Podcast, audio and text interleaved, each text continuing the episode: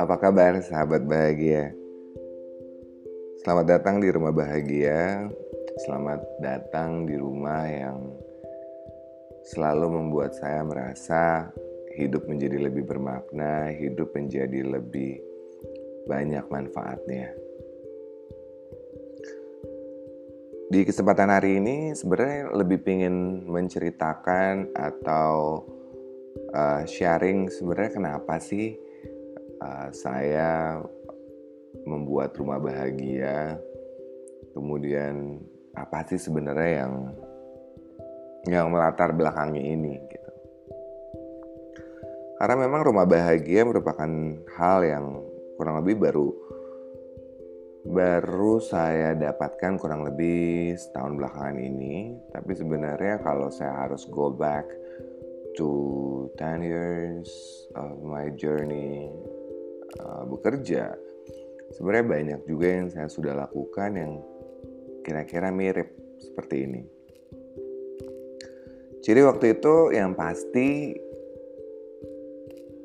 keinginan saya untuk selalu berbagi, keinginan saya untuk melihat orang lain maju, keinginan saya untuk melihat ada perbaikan dalam segala hal tuh selalu ada di kepala saya. Dan itu juga saya terapkan. Jadi bukan cuma ngomong aja uh, sharing session ketemu sama banyak orang kemudian uh, ya dari acara ngopi terus dinner lunch tapi banyak banyak bicara tentang hal-hal yang lebih bermanfaat. Sehingga menurut saya uh, sebenarnya kalau dibilang rumah bahagia ini menjadi sesuatu yang baru dalam hidup saya sebenarnya tidak. Tapi yang saya percaya bahwa Tuhan atau Sang Pencipta ini memang ingin saya uh, melalui segenap perjalanan or the journey to be at this point itu dengan cara yang unik. Jadi kira-kira begitu cerita yang ingin saya sampaikan segera di rumah bahagia. Jadi di rumah bahagia ini tuh ada beberapa orang yang tanya kenapa sih uh, Adil Basuki itu bikin rumah bahagia kenapa sih rumah bahagia itu tuh ada terus kenapa uh, bisa sampai kepikiran hal itu karena memang pada dasarnya orang biasanya tahu saya tuh lebih lebih ke marketer uh, I've been in advertising industry for 8 years udah juga di korporasi kurang lebih 10 tahun hingga akhirnya mendalami segala sesuatu yang dari dulu tuh emang diajarin sama ayah saya. Jadi bagaimana uh, belajar meditasi, belajar bagaimana kita uh, mengenal diri sendiri, itu awalnya seperti itu. Nah, sebenarnya banyak hal yang membuat akhirnya rumah bahagia ini ada itu sebenarnya karena keresahan yang ada karena rasa yang saya alami terutama di uh, ya 2-3 tahun belakangan ini gitu. Uh, yang pertama adalah kayak uh, rasanya tuh kayak kosong gitu, rasanya kayak ada yang kurang di dalam hidup. Padahal kalau orang lain lihat atau orang di luar sana melihat, sepertinya kayaknya hidupnya baik-baik aja. Malah boleh dibilang tuh hidupnya sangat baik.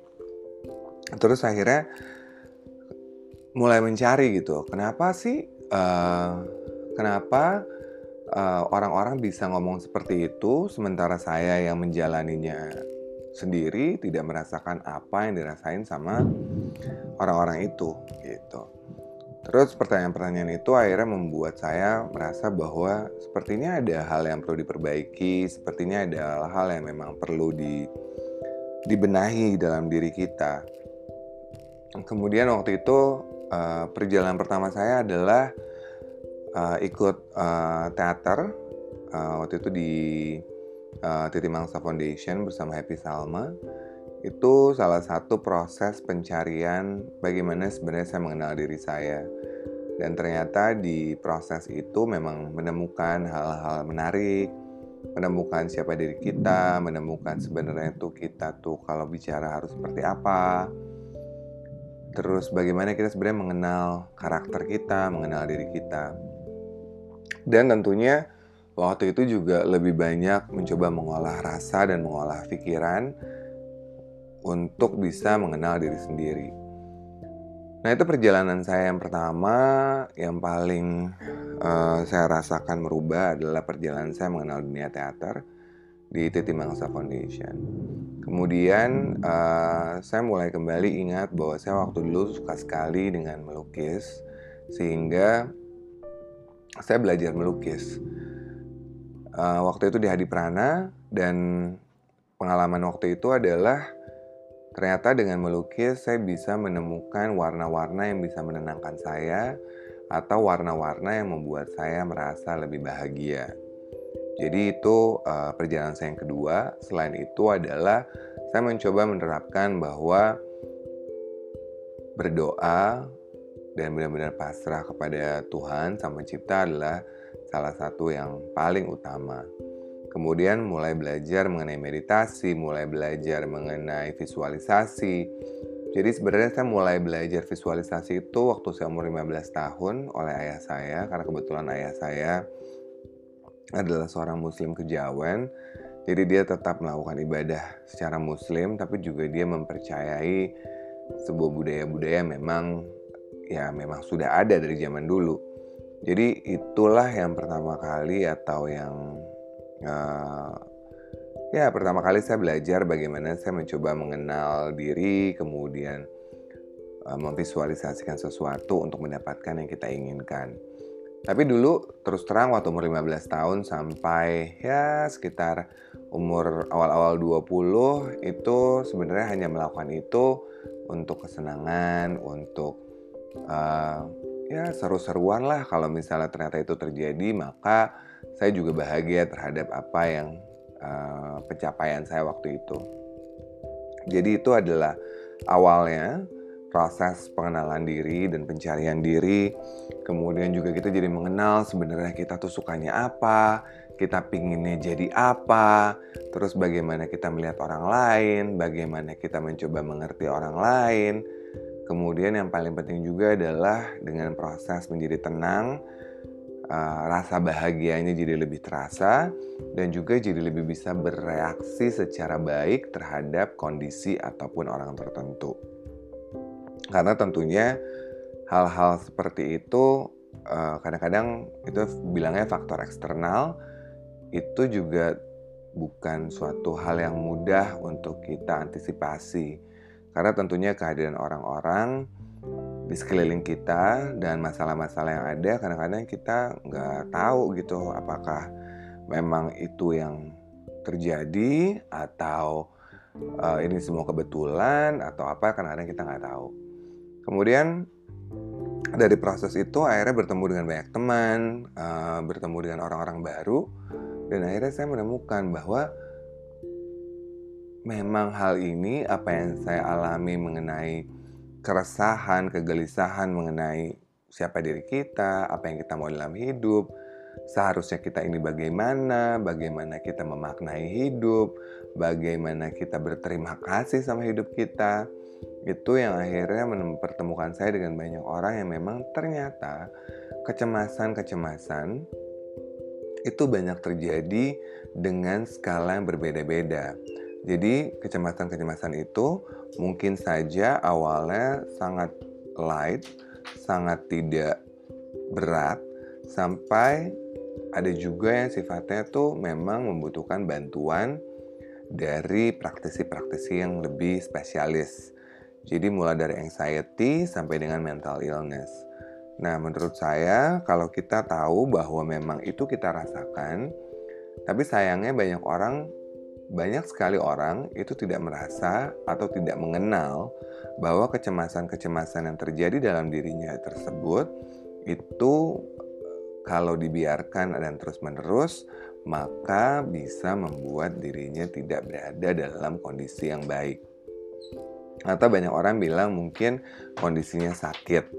Jadi itu uh, pembelajaran-pembelajaran atau bertemunya saya dengan orang-orang tersebut yang membuat saya semakin tahu bahwa hal-hal ini itu uh, bukan hal yang aneh.